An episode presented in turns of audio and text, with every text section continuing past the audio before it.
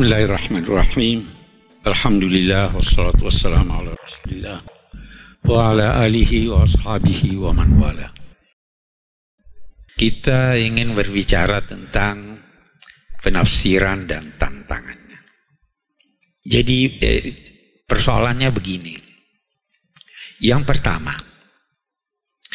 tafsir itu beda dengan Al-Quran perbedaan utamanya Al-Quran itu wahyu ilahi pasti benar. Tafsir itu produk manusia. Bisa benar bisa salah. Itu satu ya kan? Eh tafsir ini diartikan sebagai bayan muradillah hasbat taqal basyariyah. Penjelasan tentang maksud Allah dalam firman-Nya itu sesuai dengan kemampuan manusia. Kita tidak bisa menjelaskan secara tuntas dalam berbagai aspeknya apa yang dimaksud oleh ayat-ayat yang ditafsirkan. Kenapa demikian? Karena kemampuan manusia untuk memahaminya terbatas. Boleh jadi keterbatasannya karena memang dia tidak cerdas. Boleh jadi keterbatasannya karena keahliannya dalam bidang ilmu tertentu. Padahal ayat itu misalnya bisa ditafsirkan oleh orang lain dengan makna yang lain sesuai keahliannya. Saya beri contoh. Iqra bismi rabbikal ladzi khalaq khalaqal insana min 'alaq. Apa artinya? Alak dulu orang artikan segumpal darah. Iya. Datang dokter berkata, itu bukan segumpal darah, belum ada darah waktu itu. Itu adalah sesuatu yang berdempet di dinding rahim. Alak seakar dengan ta'allaka bergantung. Ini dokter datang ahli sosiologi. Dia berkata, alat itu tergantung manusia diciptakan dalam keadaan ketergantungan. Apa maknanya? Anda bisa hidup sendiri. Tergantung sama yang lain. Mau makan, tergantung harus ada beras.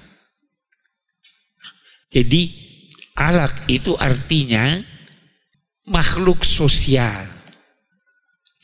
Ini tiga nih. Kenapa beda? Semuanya bisa benar. Jadi sesuai kemampuan manusia. Apalagi apalagi memang Al-Qur'an itu hamalatun lil wujuh. Bisa sepuluh makna itu eh, coba baca buku An-Nabail Azim. Itu dia ada terangkan sekian banyak arti dari Innallaha yarzuqu may yasha'u bighairi hisab. Apa artinya bighairi hisab? Bisa macam-macam. Tuhan memberi tanpa dia hitung karena dia punya terlalu banyak. Tuhan memberi tanpa dia minta tanggung jawab. Tuh, banyak sekali artinya hamalatun lil wujuh. Boleh jadi bermacam-macam. Dalam konteks penafsiran-penafsiran ini, seseorang bisa dipengaruhi oleh banyak hal, antara lain kondisi sosialnya, perkembangan ilmu, dan lain-lain sebagainya. Bisa tidak dipengaruhi itu? Bisa dipengaruhi. Ilmu pengetahuan sekarang berkata begini. Oh itu kalau begitu artinya begini. Khalaqa sab'a tibaka. Oh itu tujuh planet yang mengitari tata surya. Itu dulu. Sekarang sudah tidak ditafsirkan begitu. Berpengaruh perkembangan ilmiah. Eh, eh, ulil amr. Dulu beda dengan sekarang ulil amr. Perkembangan ilmu. Jadi bisa berbeda-beda. Satu hal yang saya ingin kita garis bawahi bahwa apa yang dikemukakan oleh ulama-ulama yang lalu kita hormati. Mereka telah berjasa menjelaskan ayat-ayat Al-Quran itu untuk masyarakatnya. Tetapi penghormatan kita itu tidak menjadikan kita harus menerima pendapat. Apalagi, apalagi sebahagian dari pendapat itu sudah salah menurut perkembangan ilmu kita. Jadi kita, tapi bagus, mereka itu tugas mereka untuk menjelaskan Al-Quran tapi untuk masyarakatnya, untuk kita. Tidak. Kita punya pendapat lain. Karena itu kata Abbas al-Aqad, dia bilang, seandainya sahabat-sahabat Nabi itu hidup sekarang, pasti pendapatnya yang lama dia ubah. Karena perkembangan.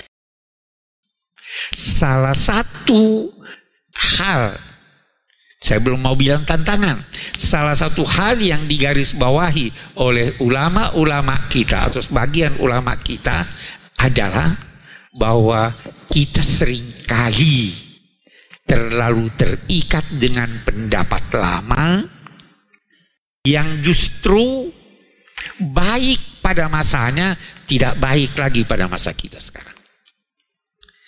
Kalau Anda baca Al-Baydawi, ini di pesantren-pesantren kan dibaca ya, tafsir alim besar Al-Baydawi.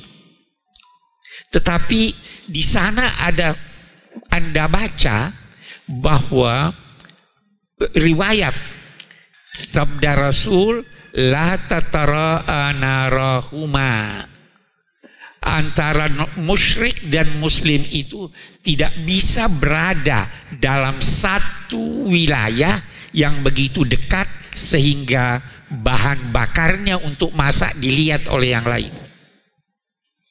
Tidak boleh bertetangga. Ada masak di situ, dulu kan bukan listrik, ada apinya ya. Kalau di sana masih lihat itu, tidak boleh. Itu di Al-Baydawi kita baca. Kita baca pendapat-pendapat Ibnu Taimiyah yang begitu keras. Wajar. Dia itu dalam situasi perang. Pernah jadi memimpin pasukan itu Ibnu Taimiyah. Jadi ini semua berpengaruh.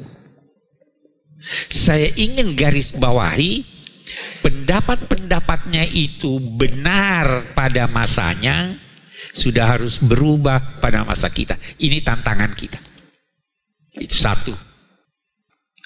Sekarang ini lebih-lebih lagi karena sekian banyak pendapat yang sudah populer tapi salah karena dikemukakan orang yang tidak memenuhi syarat-syarat untuk menafsirkan Al-Quran.